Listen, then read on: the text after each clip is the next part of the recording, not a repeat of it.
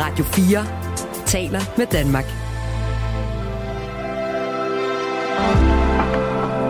Velkommen til morgenrutinen. Er du klar over, når en anden person er i dårlig humør? Ved du, hvem din mors bedste veninde er for tiden? Eller hvem dit barn har det svært med over i skolen? Er det dit job at huske fødselsdage, trøste andre, købe julegaver og bare generelt sørge for, at folk omkring dig er nogenlunde okay? Så er du muligvis en af dem, der laver rigtig meget usynligt arbejde, og du er sandsynligvis kvinde. Men frygt ikke, for i dag skal vi tale om usynligt arbejde og gøre det lidt mere synligt. Hvem laver det, hvorfor og hvordan kan vi blive bedre til at dele om det? Mit navn er Mathilde Anhøj, og med mig i studiet har jeg Sanne Søndergaard, komiker og forfatter. Velkommen til, Sanne. Tak. Sanne er ikke bare af egen interesse dykket ned i det her emne om usynligt arbejde. Hun har også gjort os alle sammen den tjeneste at strikke et foredrag sammen, så vi alle sammen kan blive lidt klogere på det. Og hun kommer både forbi København, Aalborg, Aarhus, Odense og Roskilde og sikkert også en masse andre byer, så det er bare at bestille en billet, og så kan du også blive meget klogere på det her med usynligt arbejde. Om du laver for meget af det, eller for lidt af det, og hvordan vi bliver bedre til at få øje på det, både derhjemme og på arbejdspladsen, i familien, i supermarkedet, på gader og stræder og alle andre steder. It's been a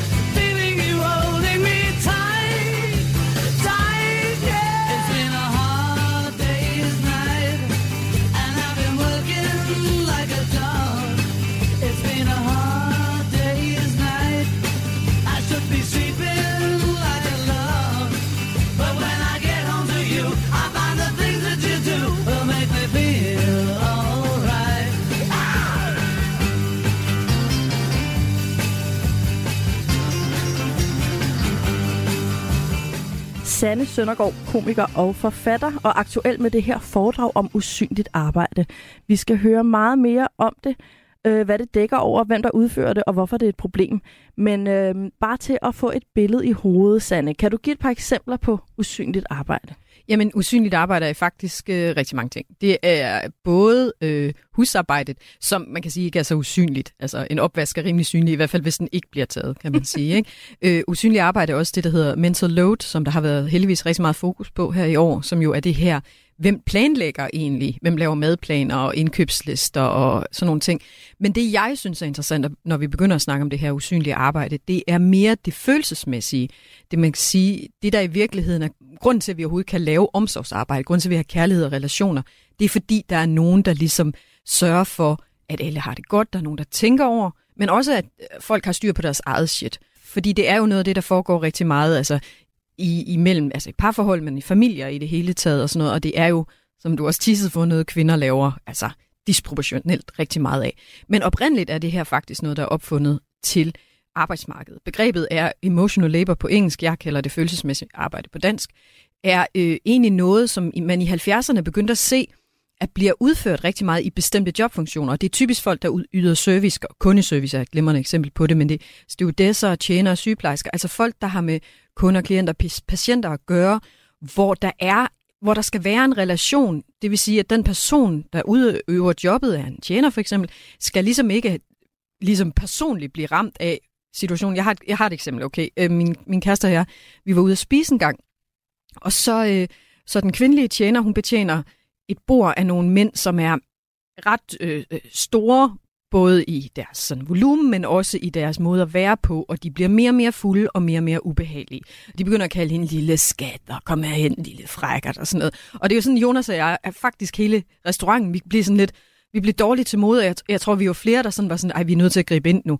Men inden nogen af os kunne nå at gøre noget, så kommer med hendes øh, mandlige kollega hen, og så vippede han hende lige så stille til side, og så overtog han de her mænds spor. Så resten af aftenen, så stod han høflig og lyttede på, at vi betaler sgu for meget skat i det her land. Og på et tidspunkt, helt, jeg lyver ikke, på et tidspunkt, så begynder de sådan at tage pengesedler frem, og så flikke sådan 1000 kroner sædler i hovedet på ham, og han samlede dem bare op og foldede dem sammen og lagde dem på bordet og nikkede høfligt og sådan noget. Og han var, hold kæft, han, det, var, det var grunden til, at nogen kom igennem den aften, det var på grund af ham. Og da de så endelig var gået, skrevet sikkert i byen for at score nogle frække damer, som om det kom til at ske, øh, så, øh, så, så kom han over til vores bord for at betjene os, og så sagde Jonas til ham bare med det samme, min kæreste, han sagde, okay, kæft, hvor var det godt gået. Mega godt arbejde. Vi roste ham så meget. Og jeg kunne se på ham, han var bare sådan... Altså, det var hårdt for ham, men også det der med at blive anerkendt i alt det usynlige arbejde, han lige har lavet, fordi det er det følelsesmæssige arbejde, det er. Det er ikke at ligesom lade sig selv blive revet med og stå og ligesom kunne bevare den gode stemning, på trods af, at andre mennesker kan være sindssygt grænseoverskridende og ubehagelige. Så det her øh, følelsesmæssige arbejde, optimalt set, så skal det helst være i relationer, hvor øh, man kan sige, begge parter bidrager lidt mere.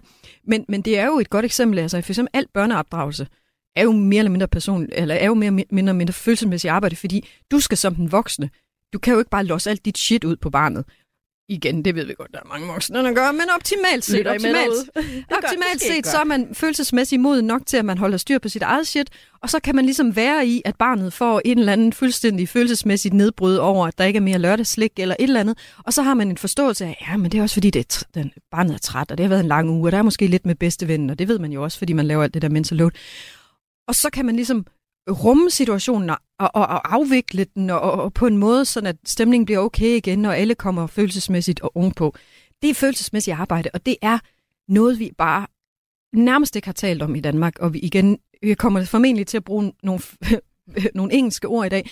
Og det er altså ikke fordi, jeg, altså, jeg virkelig prøver ikke at være sådan popsmart, men det er fordi, vi mangler simpelthen øh, danske begreber for rigtig mange af de her ting, fordi det stadigvæk er noget, vi her i Danmark, altså vi, vi, vi, taler ikke, vi taler ikke om det. Og det, det er hele formålet med grund til, at jeg har skrevet om det her i mine bøger, men også grund til, at jeg har lavet det her foredrag. Det er simpelthen for, at vi kan få de her begreber talt frem, så når vi snakker om den ulige fordeling af det usynlige arbejde i hjemmet og i øvrigt på arbejdspladserne, så har vi ligesom et ord for det. Så kan vi sige, at jeg lavede faktisk rigtig meget følelsesmæssigt arbejde med den her kunde, så derfor er jeg udkørt nu. Eller, øh... Ja, eller derfor skal jeg have lov til at have den her kunde fordi det er mig, ja. der har lavet det følelsesmæssige arbejde. Godt eksempel. Ja, eller, eller igen over for sin partner. Ikke? Prøv at høre, jeg laver faktisk rigtig meget følelsesmæssigt arbejde øh, for dig og din mor lige nu, fordi din far ja. han døde der for to år siden, og din mor føler sig lidt ensom, og så ringer hun til mig, og så går jeg en tur med hende. Og ved du hvad, det gør jeg gerne, fordi jeg kan godt lide at have den relation. Men du må forstå, at det også er et følelsesmæssigt arbejde, så derfor skal du måske også yde et eller andet tilsvarende tilbage igen, sådan at at jeg også bliver ligesom aflastet i mine følelser. Og, og det er det, som, som, som igen, øh, det, det er der, hvor det bliver meget kønnet, fordi at, at kvinder ligesom er opdraget fra helt små piger til at sørge for den gode stemning og tænke over, hvordan andre mennesker har det, empati, situationsfornemmelse og sådan noget. Og drenge, de øh, får lidt lov at sejle deres egen sø, øh, grundlæggende set, øh, følelsesmæssigt, både i forhold til deres egne følelser, som de ikke lærer at håndtere helt lige så godt, som piger gør, og også i forhold til, hvordan andre ligesom hvor de er, og hvordan. Så, så, øh, så det er derfor, jeg vil meget gerne have en samtale om det her. Jeg vil meget gerne have, at vi ligesom får en bredere forståelse af det. For sat nogle ord på. Jeg ved også, at øhm, familier, hvor der er døtre i børneflokken, har meget bedre trivsel, altså meget lavere chance for depressioner og angst. Fordi ja. hvis der er flere kvinder, altså hvis der er mm-hmm. døtre, bare én datter i børneflokken, gør en kæmpe forskel, og hvis der er flere døtre, så går kurven opad. Ja, og det, men jeg kan også godt sige dig, altså, de eksempler, jeg har på det her, øh, det, altså det er jo også, nu viser det sig jo også for eksempel, at mænd lider mere af ensomhed, som giver dem nogen.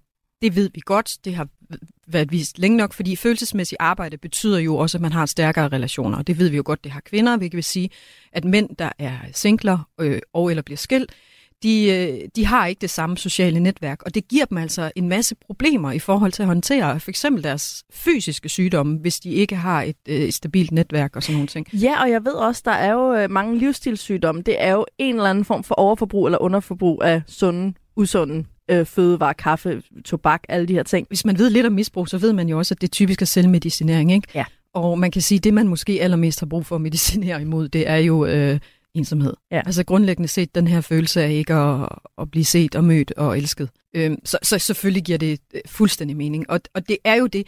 Altså det er jo også derfor, det er jo altid, når vi begynder at snakke om noget, hvor der er noget kønsulighed og mænd og kvinder. For det første er en generalisering, skal vi jo lige huske at sige. Personligt har jeg for eksempel en kæreste, der laver helt sindssygt meget følelsesmæssigt arbejde, og han er muligvis også på mange områder bedre til det, end jeg er, hvis vi skal være helt ærlig. Han er noget mere empatisk som menneske, end jeg er. Eller jeg er i hvert fald noget mere utålmodig, skal vi sige det på den måde. Og, øh, og øh, så, det, så det er den ene ting. Og den anden ting er også det her igen med, at at når det er feminisme, og det er kvinders vilkår, og jeg vil snakke om det kvinder, der laver disproportionelt meget af det usynlige arbejde, så, så igen så er det sådan, åh, kvinder er i offerrollen, og det er også synd for kvinder og sådan noget. Men det, man lige skal huske på bagsiden af medaljen her, det er jo, at der er rigtig, rigtig mange mænd, når de ikke lærer at gøre de her ting, så giver det nogle konsekvenser for mænd, som faktisk er vildt dårlige. Mænd bliver ensomme, mænd bliver isoleret. Vi har det der begreb tabermænd, som jeg hader. Men mænd, der simpelthen sådan bliver tabt, på gulvet, fordi de ikke har de kompetencer, som et moderne samfund kræver, ikke bare i personlige relationer, men faktisk også på arbejdsmarkedet. Altså sådan noget diplomatiske øh, evner til at skabe relationer, som jo, altså virkelig meget arbejde i dag består jo af sådan nogle, undskyld mig udtryk, traditionelt kvindelige værdier, og hvis man er opvokset i sådan en traditionel maskulin forståelse, at jeg skal ud og bare, så skal jeg hugge Ja, og jeg behøver ikke brænde, øh, og, ja. putte sukker på, eller jeg kan bare være mig selv. Sådan, ja, ja, ja og, og hvis vi skal lige lave et lille sidespor til noget, som følelsesmæssigt arbejde jo også er, det er jo det her med også at have en forståelse for andre menneskers grænser. Så synes jeg, det er jo interessant, når vi har hele de her øh, krænkedebatter, MeToo og sådan noget, og, og nu har vi jo lige haft igen en hel del af dem, og sådan noget, at det her med, at der er mange mænd, de bliver sådan lidt, hvad, hvad vil I have? Skal, skal jeg så bare hele tiden gå og tænke over, hvad andre mennesker synes er grænseoverskridende? Ja, det skal du nemlig. Det gør alle vi andre. Ja, og det, og det er nemlig det er så interessant, fordi hey, velkommen til alle vores andres liv. Altså, vi andre går hele tiden og tænker over, hvordan vi virker på andre mennesker, og hvis der har været en lille konflikt, så kan jeg love for, at alle kvinder, de sidder i bussen eller bilen på vej hjem, så oh, hvad sagde jeg det der forkert, og ej, jeg kunne egentlig også godt se, at hun, hendes øjne begyndte at flakke lidt, og var det fordi, jeg var lidt for meget med det der, og skulle jeg, skulle jeg lige have tænkt over, og så kører vi det der. Fordi... Ja, og så skriver man til sine veninder, ej, lagde du også mærke til, at hun sådan der, altså var det mig, der var, var sart, eller ja, var eller hun direkte smart? til veninden, det ja. jeg fandme, jeg tager tit mig selv i at skrive, ej, undskyld, hvis jeg kom gravet lidt for meget, eller ikke fik spurgt ordentligt ind til det der, og sådan noget, ikke? Og så, så laver man så nærmest sådan, sådan en efterevaluering yeah. af sin samtale med veninden, og mine veninder kender mig heldigvis efterhånden godt, så de er meget gode til at skrive, så slap nu af. Så det er et skut. Du, du er god, som du er. ja, som også er en, en, det siger jo også noget om deres det følelsesmæssige arbejde, de har lavet. De kender mig, de ved, at jeg bliver usikker på, fordi jeg har så mange konflikter med folk i mit liv, fordi jeg faktisk ikke gider at lave så meget følelsesmæssigt arbejde i. Så, altså, jeg gider ikke hele tiden tage hensyn til folk. Jeg gider ikke at udglatte konflikter, især professionelle. Øh, men, men, men i personlige relationer, så er jeg jo selvfølgelig bange for, at mine venner bliver ked af det og såret og ikke gider være venner med mig mere og sådan noget. Ja. Og det ved de godt. Ja. Så de ved godt, fordi åh, Susanne har den her historik, og det kan gøre hende usikker og sådan noget, så derfor beroliger jeg hende. Altså, nogle gange, når man begynder at, sådan, at udspecificere, hvad det egentlig er, det følelsesmæssige arbejde er, så, så folk bliver sådan, nå, det gør jeg da hele tiden. Ja, men der er faktisk rigtig mange mennesker i den her verden, der ikke gør det her. Jeg gad godt vide, hvor mange mænd, øh, der øh, har de der sms'er øh, dagen efter, de har været sammen med deres veninder. Øh, ikke veninder. Venner. Nå, Men dag, det kan jo også være, at de heller ikke tænker dagen over efter, det. de har været i byen, hvor, hvor tit de ligger og har de der tråde og opkald og sådan noget. Ah, det der, og uh, og uh, og gjorde jeg, eller bro. gjorde hun. ja, altså, hey bro, bro, er du okay? Ja. Var, jeg, var, det, var den joke lidt streng? Det er jeg altså ked af. Tror du, de gør det? I jeg wonder. tror, nogen mænd gør. Mm. Altså, det, og det er jo det der med generaliseringerne igen. Ja. Og jeg tror især, altså det bliver også hurtigt en, en alderskløft-ting, det her, fordi jeg, jeg tror, at yngre mænd har en, og jeg skal love dig for min, min, min bonussøn på, på 16, altså, de har en, en lidt anden måde at kommunikere. Ikke så meget som min bonus datter. Det er ikke, fordi de kommunikerer så følelsesmæssigt og sådan noget, men, men jeg tror, at der kommer en større øh, følelsesmæssig bevidsthed og relationsarbejde i de yngre generationer. Vi ser det jo også, når mænd i den yngre, yngre generation bliver fædre, de involverer ja. sig meget mere med deres børn og sådan noget, som jo også er følelsesmæssigt arbejde, som sagt. Så, så ja, men, men gennemgående set, så er det jo lidt sådan en, en stereotyp, som der er en vis sandhed i med mænd, at det her med, at de kan have været sammen en hel dag og spillet golf, og så kommer manden hjem til konen, og så siger hun, hvordan går det egentlig efter hans skilsmisse? Og så siger manden, er han blevet skilt? øhm, og det... øhm, Altså, Det er også så rigtigt, det der. ja, men altså, det, nu taler jeg bare fra mit eget privatliv. Hvor jeg sådan, Ej, men hvordan, gik det så, hvordan går det så med deres børn i skolen? For der var jo det der med deres børn i den der vennegruppe er over skolen. udredt. Og, Og sådan, ja, præcis. Og, sådan, og, hvordan, og med ADHD, og hvad, sådan, hvad for noget? Altså, Har sådan, der er børn? Tomme, ja, præcis. Bare tomhed. Og det er bare sådan, "Jamen, altså, hvad snakker I om hele dagen? På et tidspunkt bad jeg min mand om, når han var på toilettet under de der mandearrangementer, så lige at notere ned, hvad de har været inde på, der vil interessere mig. Okay.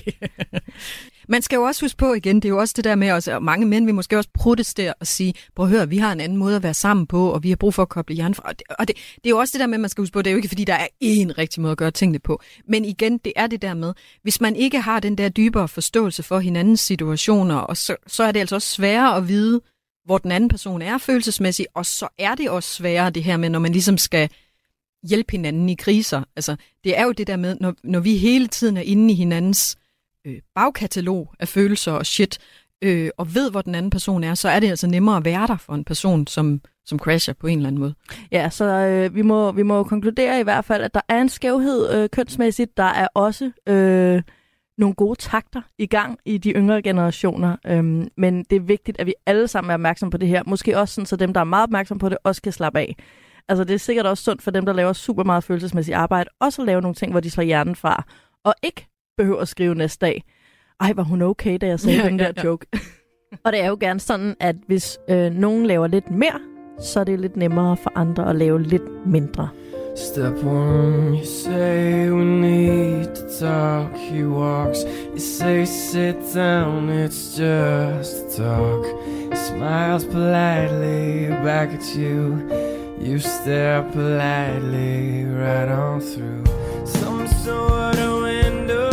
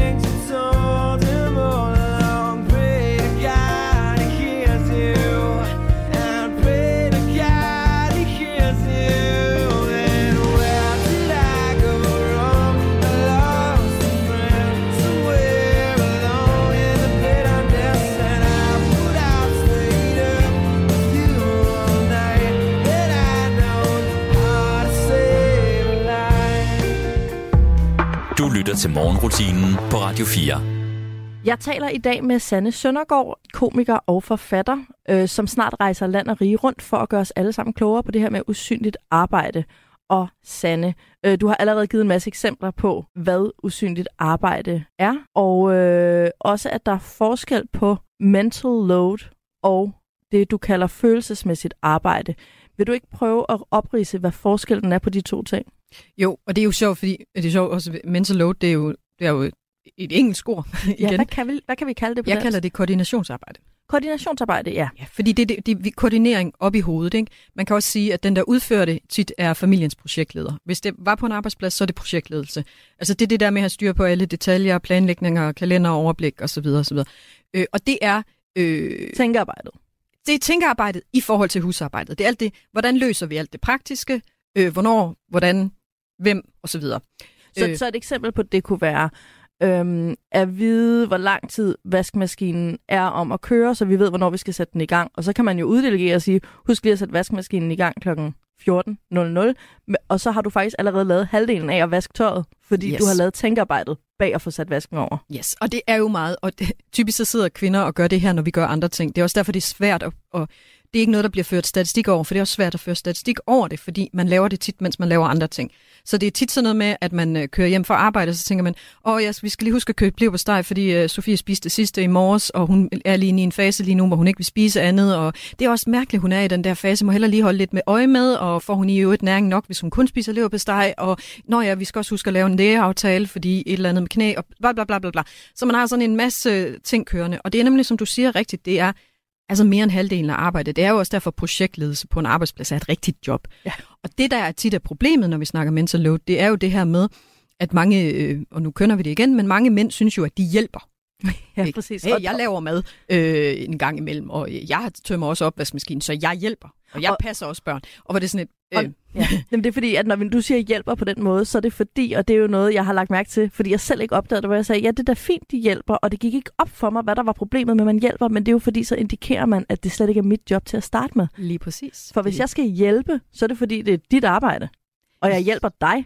Men, Ja. men hvorfor skal du hjælpe mig? Hvorfor er det ikke mig, der hjælper dig? Ja, og, og igen det der med, det er dit ansvar. Det er jo Ja. det, det i virkeligheden handler om. Hvem har ansvaret? Og det er jo projektlederen, lederen, der har ansvaret. Ikke? Det er ja. lederen, der leder og fordeler arbejdet, og så kan den ansatte jo så hjælpe med at løse de praktiske opgaver, som lederen ligesom har organiseret. Ja. Og det, det jo i virkeligheden handler om på det her område, og som vi også kommer til med det følelsesmæssige arbejde, det handler jo om, at begge skal tage et ligeværdigt ansvar øh, for, at det her arbejde bliver, bliver gjort, og for, at der er fælles standarder, der er fælles prioriteringer osv. Øh, og så hjælper man hinanden, men, men begge har ansvaret, begge har tænkt over, hvad der skal gøres, begge er med til at planlægge og, og koordinere osv. Så, videre. så det er the mental load. Øh, Tænkearbejdet og, hvad kaldte du det, koordinationsarbejde? koordinationsarbejdet, det er simpelthen det, der skal til, for at man kan udføre husarbejdet. Følelsesmæssigt arbejde, det er det tænkearbejde, der skal til for at kunne fysisk udføre omsorgsarbejde. Omsorgsarbejde, det ved vi jo godt, det er øh, knus og øh, godnathistorier og øh, sex faktisk også. Øh, det, er, det er kærlighed, Ja. ikke? Altså, som jo øh, vi alle sammen måske kan få det sådan lidt ikke med at snakke om at arbejde. Øh, og man kan jo også sige, at samfundet lukrerer groft på, at omsorg, det er sådan noget, vi godt... Det er jo Vi sådan noget, bare, lyst. vi elsker bare at yde omsorg. Og Kom det er jo derfor, sygeplejersker behøver ikke at få ordentlig løn, fordi de elsker jo bare elsker bare at sørge for, at folk har det godt. Pædagoger, de elsker bare børn, der brækker sig. Det er sådan, det er. Mm, kærlighed, Det varme ligger, hænder. i- det ligger i deres køn. Ja, ja, det gør Nå, det jo så også tit, ikke? Kvinder kan simpelthen ikke. Men Det det er jo være. faktisk, der har jo været flere politikere, blandt andet Joachim P. Olsen, da han sad i Folketinget og udtalte, at kvinder har et naturligt omsorgsgen. Mm. Det var der rigtig mange, der sagde i 1800-tallet også. Ja, ja, men jeg tror også, Joachim B. Olsen mentalt lever i 1800-tallet. Øhm, men, men, men, men det er bare, det betyder, at, at, at, at vi synes ikke, det er arbejde, og igen, folk, der udfører det, vi- det er også svært at sige, at det at læse en godnathistorie for sit barn, og sidde der, det der magiske øjeblik, og, og føle, at man bliver elsket, og føle, at man giver så meget kærlighed, at det skal være arbejde. Øh, og det er også derfor, det er meget centralt, når jeg snakker om de her ting, at jeg mener ikke, at det skal lønnes ikke Altså, det hjemmet i hvert på fald. arbejdsmarkedet. Ligesom, altså det er ikke sådan, jeg mener, at, at vi skal til at betale nogen for at lave en opvask, eller for at læse en godnathistorie op. Jeg synes bare, vi skal gøre opmærksom på, at det her arbejde er der, især hvis dem, der udfører det, ikke får det samme igen. Mm. Fordi jeg synes, der er meget med om, omsorgsarbejde, det er, at man yder rigtig meget omsorg, men får man, og, og det synes jeg, man skal betales i i omsorg. Ja. Altså, øh, man skal ligesom have den samme omsorg tilbage, og mit, mit bedste eksempel på, at det, det får folk ikke, det er alt det mental load og følelsesmæssige arbejde, kvinder typisk yder i forbindelse med julen. Altså planlægge, koordinere, tænk på, hvad folk ønsker sig, sørg for, at gaverne bliver købt, maden bliver købt ind, planlagt, lavet, øh, træer bliver pyntet, nisser, der skal flyttes rundt, fordi ungen har en nisse med hjem fra, fra børnehaven. Øh, altså børn, der har alt, alt, alt for høje forventninger, der lige skal tilpasses øh, og, og tales ned, og igen øh, sammenbrud, og der skal lægges pakker i øh, kalender. Alt, I ved, hvor anstrengende julen er. Og hvis jeg lige må sige, en af mine kæpheste, øhm, får børnene det samme? Altså de Ja. børn, der holder juleaften For sammen? de lige meget. fordi, fordi sådan, ellers så... Ja, ja, ja. Alt det der, alt det der. Ja. Mental load, praktisk husarbejde, øh, følelsesmæssigt arbejde. Og så sidder man der juleaften, og, øh, og stemningen er sådan lidt, og man er sådan, nu hygger vi! Nu skal jeg fandme have en god aften, for det har jeg fortjent. Og så, og så er der sådan lidt, og, og så til sidst, så, mor så, sur, mor så- træt. Mor træt. Og så åbner hun gaven fra manden. Ja. Børnene har måske, hvis man er heldig, pølset en eller anden ask- askepære op til ikke ryger mor i lær. Ja. Og, og det er også kærlighed, og man bliver glad. Og, og så får man gaven fra manden, ikke? Og så er det et sæt rødt undertøj. Ingen, ingen i verden gider have rødt undertøj. Det er et sæt rødt un- undertøj, der ikke passer. Ja. Ikke? Altså, han er ikke engang... Det har han, aldrig passet. han har bare... Og der er rigtig mange, helt seriøst, der er der mange mænd, der, der kommer med, om det er jo tanken, der tæller. Nej! Det er omtanken, der tæller. Ja. Det er, at du faktisk yder lige så meget omsorg. Og kan, ikke mindst, det er ikke altid, det behøver at være lige fordelt, det her. Kvinden kan godt, hvis vi snakker mænd, kvinder igen, der kan godt være den ene part, der yder mere følelsesmæssig mental load i et, i et parforhold. Men så skal det i det mindste anerkendes og betales tilbage på en eller anden måde. Og en måde at betale det tilbage på, det vil jo for eksempel være at give en enorm kærlig, omsorgsfuld gave, der totalt har set din part- partner. For eksempel, hey, jeg har, jeg har booket et spagophold til dig og din bedste veninde i den her weekend, hvor jeg passer øh, mine egne børn. Altså, hvor hvor jeg, hjælper lidt til med børnene. Ja, hvor jeg sørger for, at du kan få fri til at gøre noget af det, du gerne vil, og du får slappet af, og jeg ser og anerkender, at du har lavet den her kæmpe indsats. Det, det er det, jeg siger. Og så det der, den største skuffelse i verden, det er simpelthen, at man yder så meget omsorg for andre mennesker, og så har de ikke engang set, at man har gjort ja. det, og de synes ikke, at man fortjener at få noget i nærheden af det samme igen. Det er derfor, kvinder brænder ud. Det er ikke, fordi de laver alt det her. Det er, fordi det ikke bliver betalt. Ja. Ikke engang med et kram. Ja, det bliver, det bliver ikke set, og det bliver ikke anerkendt, og det Nej. bliver ikke betalt. Præcis.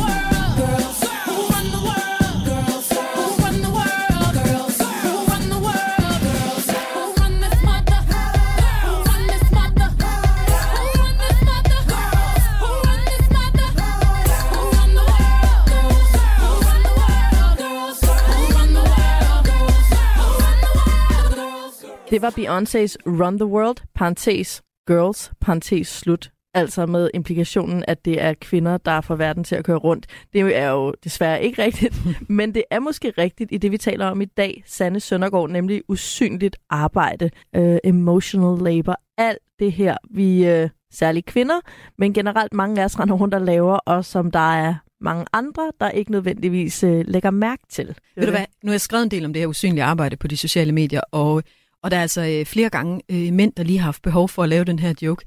Ja, det må da være usynligt, for jeg kan ikke se, at de laver noget. Og du ved, jeg, jeg, altså, Jamen, jeg ved også bare, hvor mange mænd, der ser den der kommentar, og synes, den mand, der har skrevet det, er super sjov. men der burde de måske lige lave noget emotional labor, så skrive bro.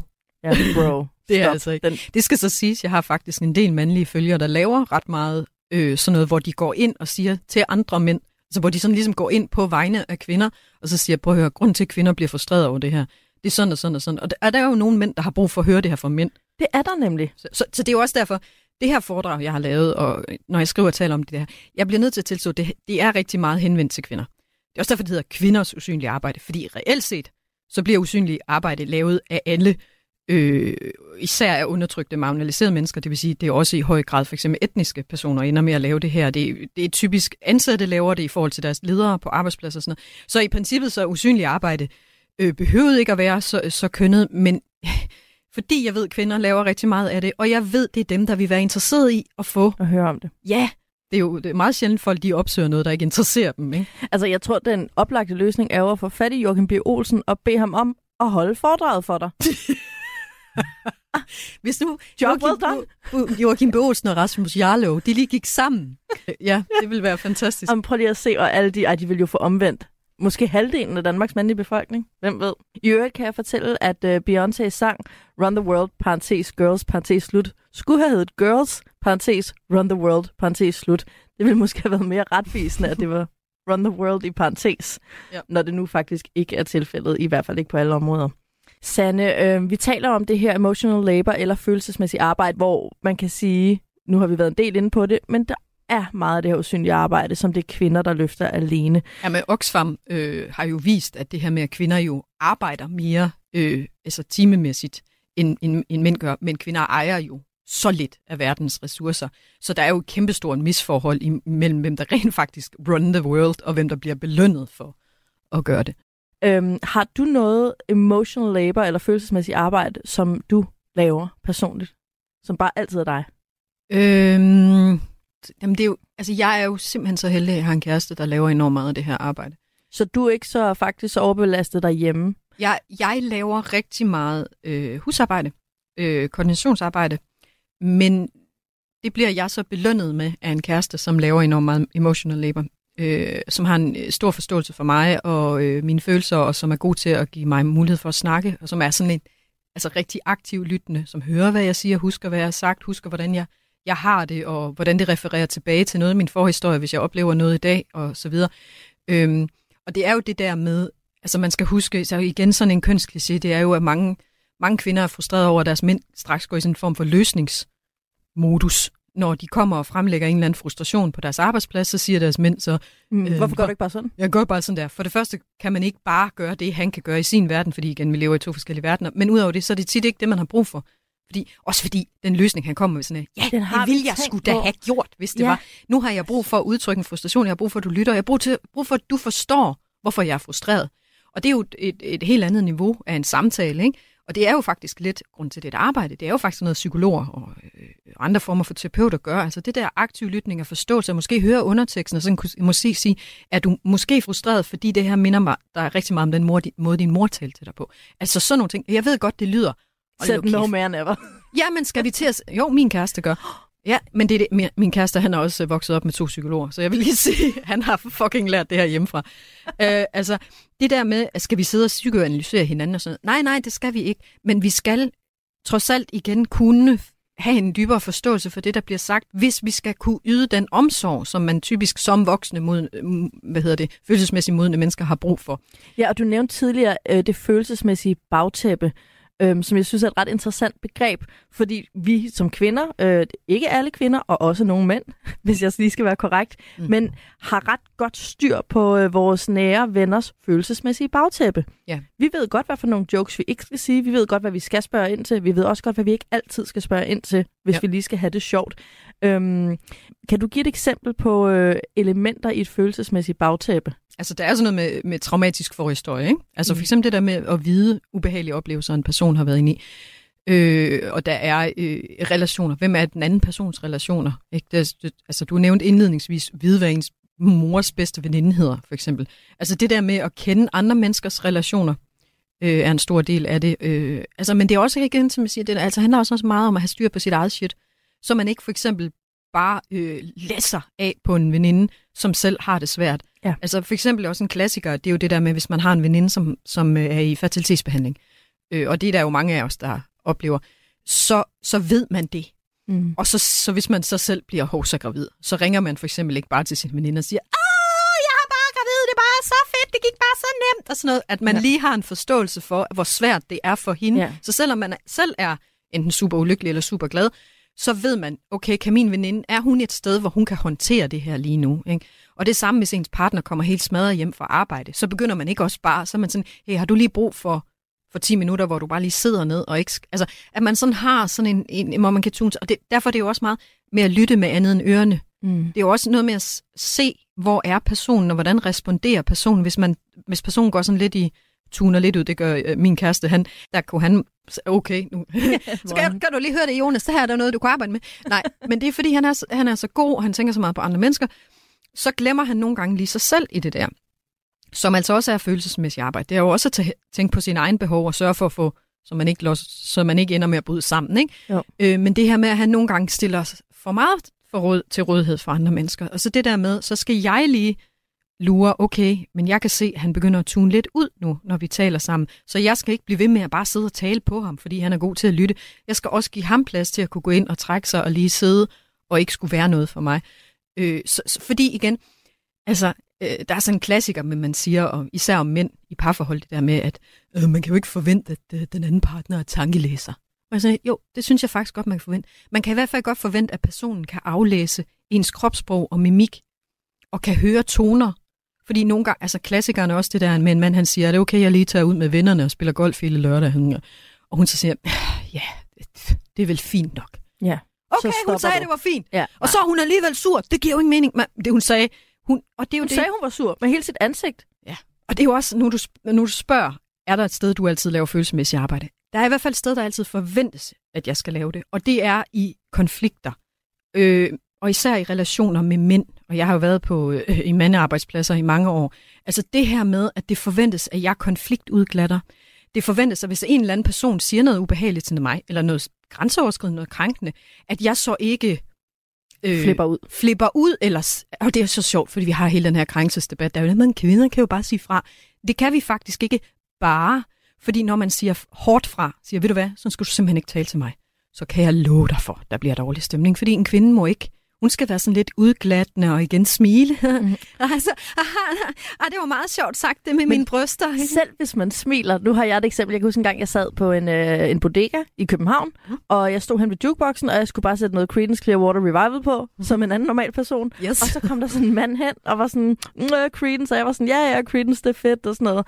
Og han stod bare tættere og tættere på, og jeg var sådan, åh, pis, jeg troede lige, vi bare stod og snakkede ved jukeboxen. Musik. Ja. Mm. Og han stod tættere og tættere på, og så var jeg sådan, ej, undskyld, øh, det er ikke for noget, men, men vil du ikke lige øh, rykke dig bare lige 30 mm. cm? Jeg kan ikke helt komme til her. Og sådan, jeg kunne ikke have sagt det mere pige, kvinde, tudelut, charmerende. Nej. Og han var bare sådan, "Mm, du skal ikke fortælle mig, hvor jeg skal stå. Jeg kan stå, hvor jeg vil. Og så rykkede han tættere Ja, ja, på og ja. blev stående der. Og det værste var, jeg var sådan, gik bare for jukeboxen igen, var sådan, whatever.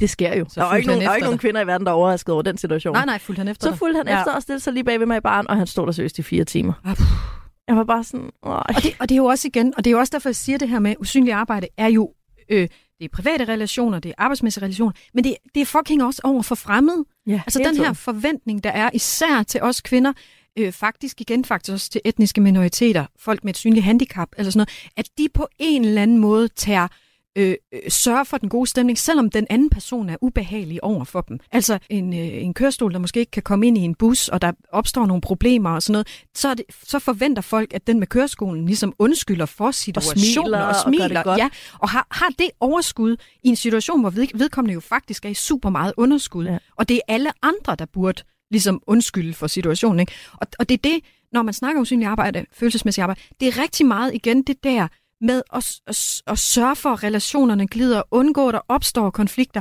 selv når det er dig, der er allermest udsat, og øh, egentlig har, bare måske bare har lyst til at sætte dig ned og græde, ikke? Så, er det, så er det dig, der hele tiden skal holde. Og det, det er derfor også nogle gange, kvinder føler, at vi er fucking på arbejde hele tiden. Fordi vi hele tiden føler, at vi har et ansvar for også, hvordan andre mennesker ender med at gøre. Og vi har jo som samfund også den her tendens med victim blame kvinder sindssygt meget i situationer med seksuelle overgreb og sådan noget. Jamen, hvorfor gjorde du ikke også sådan og sådan, Mathilde? Du kunne Ja. jo bare have det Så ene og det andet. dog, menneske. Ja, så kan du bare sparke ham i nødderne. Okay, vold. God Ja. løsning. Æ, nej, men det er, det er så idiotisk. Men under ideen om den her victim blaming, der ligger jo hele forventningen om, at vi kan afmontere situationer. Ja. Hvis vi bare gør det korrekt, Ja, hvis vi rammer rigtigt, ikke? hvilket også er idiotisk, fordi du selvfølgelig, du kan jo ikke, hele pointen med grænseoverskridelser er, at du sætter en grænse, og så bliver den overskrevet. Det er jo, altså, hvis ikke, ja ellers er der jo ikke en grænseoverskridelse. Så, så, så selvfølgelig, du kan ikke, hvis du siger nej, og personen respekterer din grænse, så er der jo ingen grænseoverskridelse. Øhm, men, men, men det er igen den der underliggende idé om, at vi hele tiden sørger for, at det glider, og, øh, og, og den der forventning om, at vi står til rådighed med vores at vi er behagelige, at vi smiler til frem. Altså det der med, at man kan risikere som kvinde at bare sidde ved et busstop i stedet i sine egne tanker, måske faktisk lige i gang med at lave noget mental load, og så kommer der en eller anden random mand hen og siger, smil. Ja. Du skal smile, du er meget kønnere, når du smiler. Hvor jeg sådan, det er da ikke mit, min opgave Ja, at smile. i, at sørge for, at det er mere behageligt for dig at kigge på mit ansigt. Men, men det er igen den der forventning om, du skal sørge for at have rart at være, Ja. Selv dit ansigt skal større for, at der er rart at være. Og du er faktisk lidt streng, når du sidder der og skaber dårlig stemning med dit sure fjes. Ja. Som jeg jo fik at vide, da jeg sad i kassen i Netto en gang. Ja. Ja, gode minder. Man laver jo også meget følelsesmæssigt arbejde der. Ja. Altså igen, øh, øh, sørge for at være civil og hilse høfligt, og hvis der er en eller anden, der overfuser en, så kan man jo ikke bare ligesom hoppe op på, på kassebåndet og bare begynde at slå vedkommende med de der mellemrums nogen. øh, en god idé, Sanne. Bare jeg havde gjort det.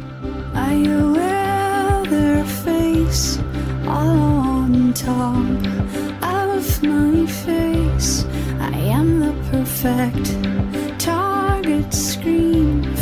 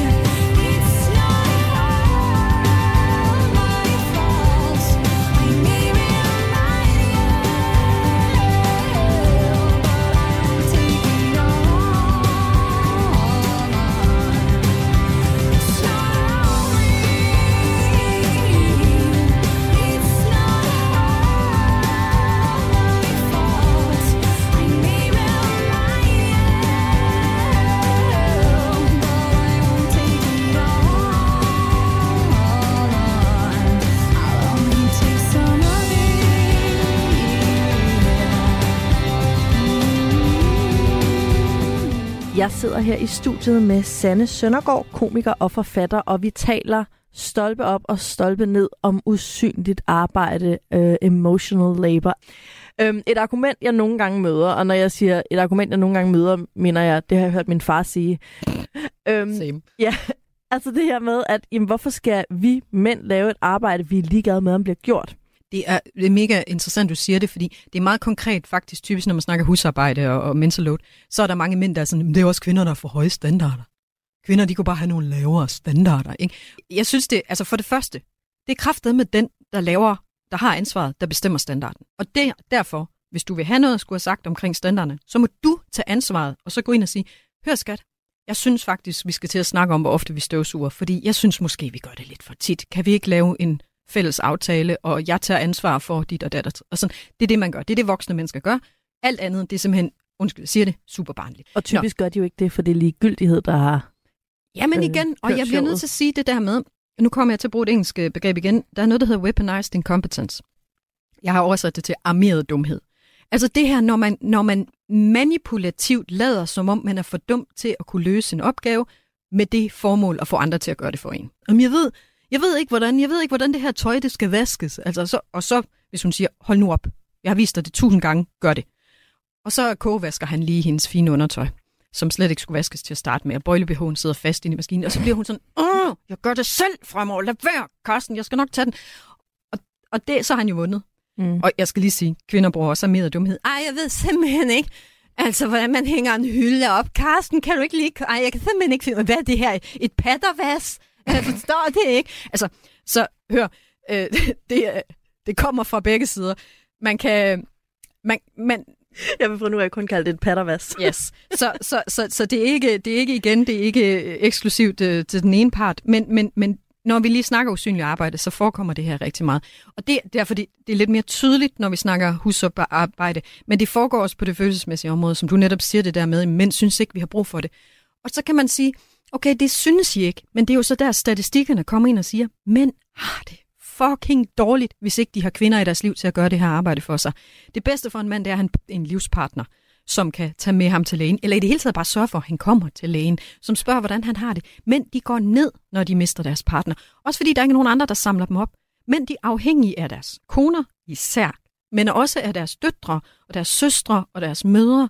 Og det er kvinderne i deres liv, de er afhængige af. Så de kan jo ikke komme og sige, at det her arbejde ikke er betydningsfuldt, samtidig med, at de bare hapser det alle steder, de kan få kvinder til at gøre det for sig.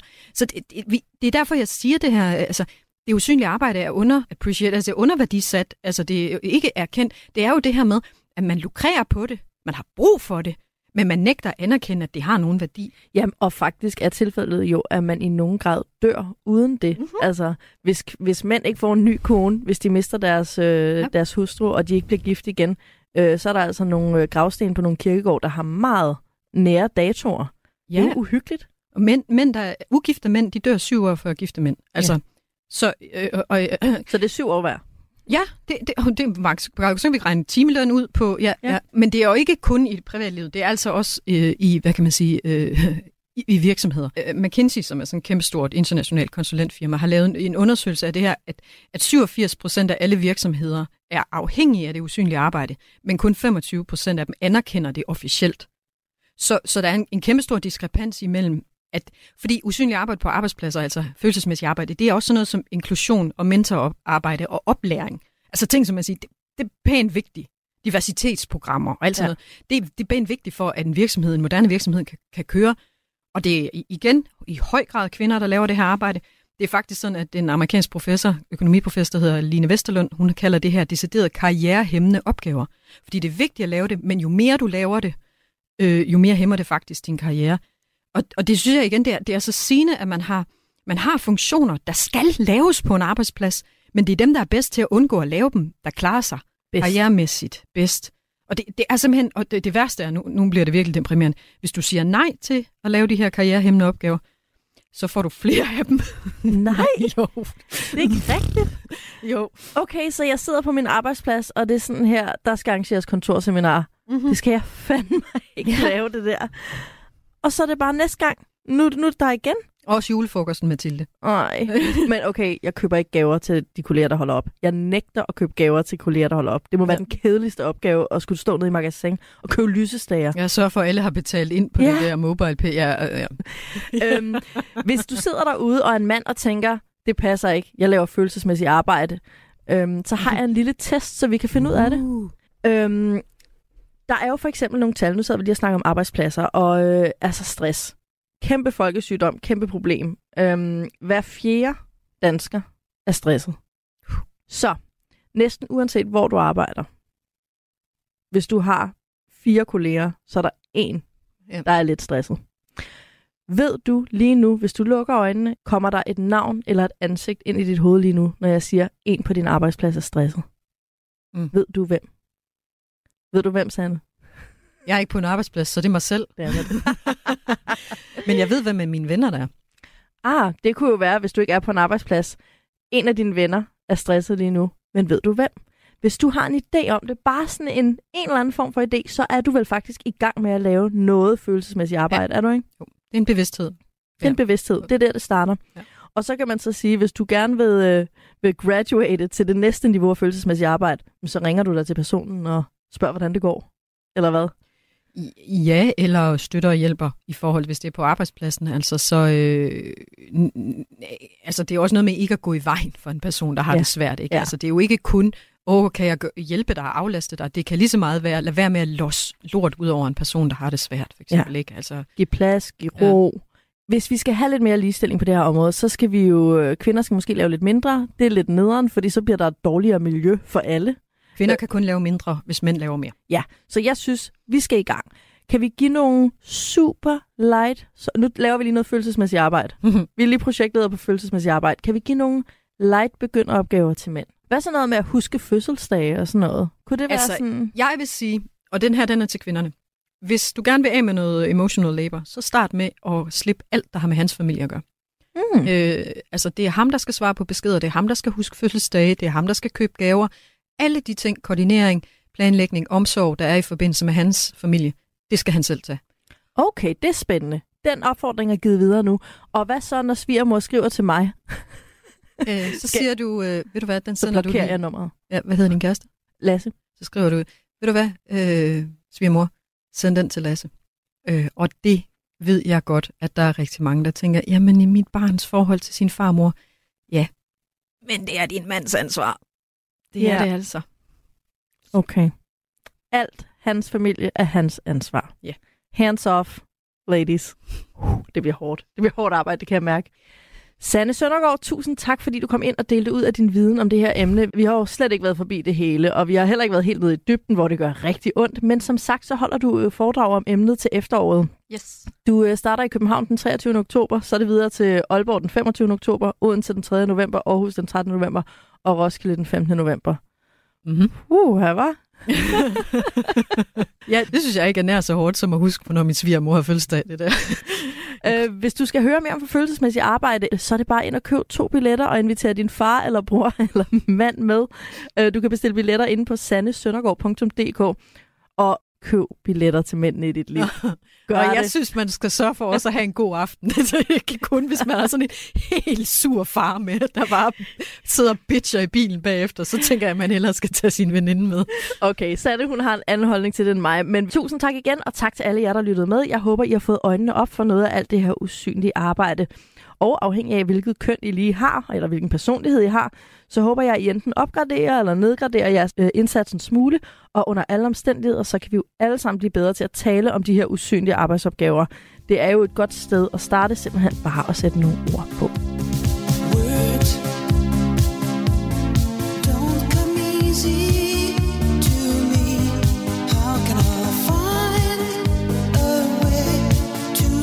see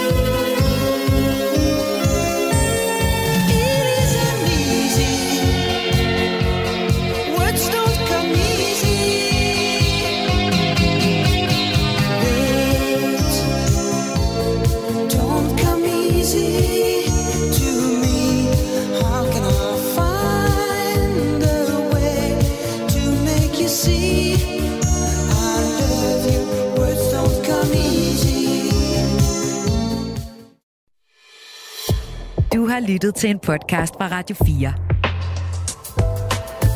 Find flere episoder i vores app, eller der, hvor du lytter til podcast. Radio 4 taler med Danmark.